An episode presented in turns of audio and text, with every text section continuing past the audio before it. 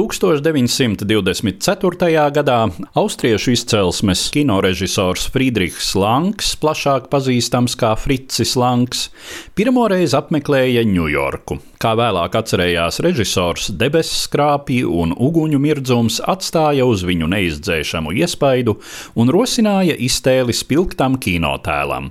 Tappa nākotnes lielpilsētas ekrāna vīzija, kuras scenāriju Langs radīja kopīgi ar savu tā brīža dzīvesbiedri, rakstnieci Teo von Hārbovu. Filmas uzņemšanas process ilga vairāk nekā gadu un izmaksāja vairāk nekā 5 miljonus reichsmarku grandiozu summu, kura gandrīz izputināja filmas ražotāju studiju UFA.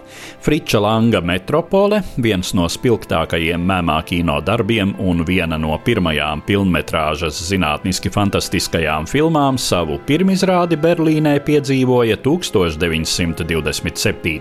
gada 10. janvārī.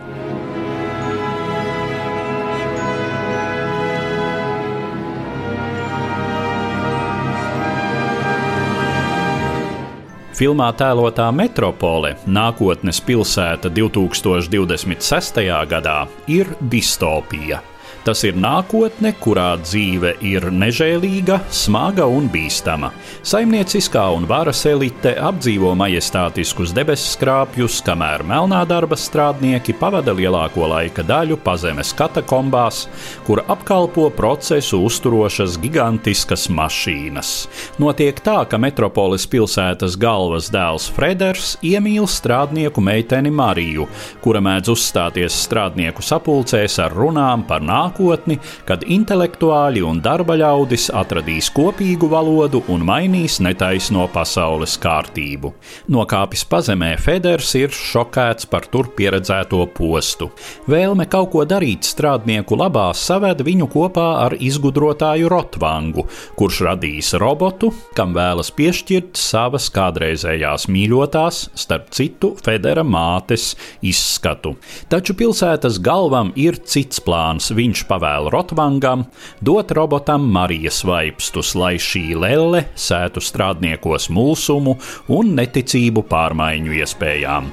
Taču Rotvangs īsteno savu atriebes scenāriju. Robots Marijas izskatā pārliecina strādniekus iznīcināt mašīnas, un tas izraisa katastrofu, kurā teju neaiziet bojā strādnieku bērni, kurus tomēr izglābīja Marija. Feders izcīna kulminācijas cīņu ar baiso izgudrotāju, un finālā liek savam tēvam, pilsētas galvam, sarokoties ar strādnieku vadoni.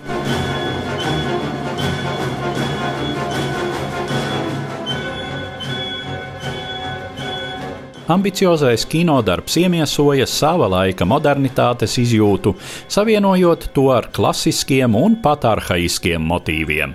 Metropoles ēku aprisēs dominēja konstruktīvisma un art deko formas, taču pavīdēja arī kaut kas no Breigeļa 16. gadsimtā gleznotā Bābeles torņa. Komponista Gotfrīda Huperca partitūra liek atcerēties Vāgneru un Rihardu Strausu gan ar sava laika piesitieniem, kā arī viduslaiku garīgās himnas dies īre dusmu diena motīviem.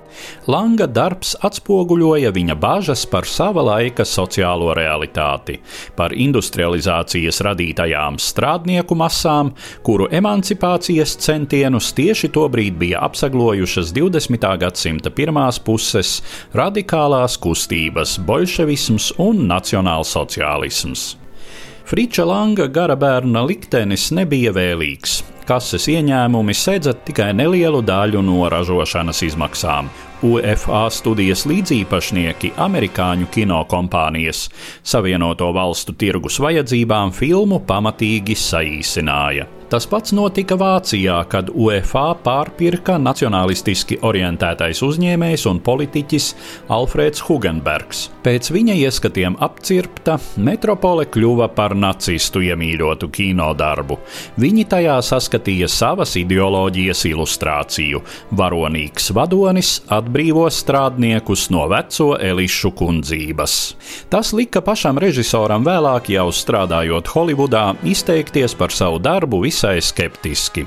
Ilgu laiku domāja, ka metropoles oriģinālā versija gājusi zudībā, taču mūsu gadsimta sākumā vairākas kopijas tika atrastas Argentīnas, Austrālijas un Jaunzēlandes kinoarchīvos. Friča Langa metropole bija pirmā filma, kas 2001. gadā tika iekļauta UNESCO pasaules atmiņas reģistrā.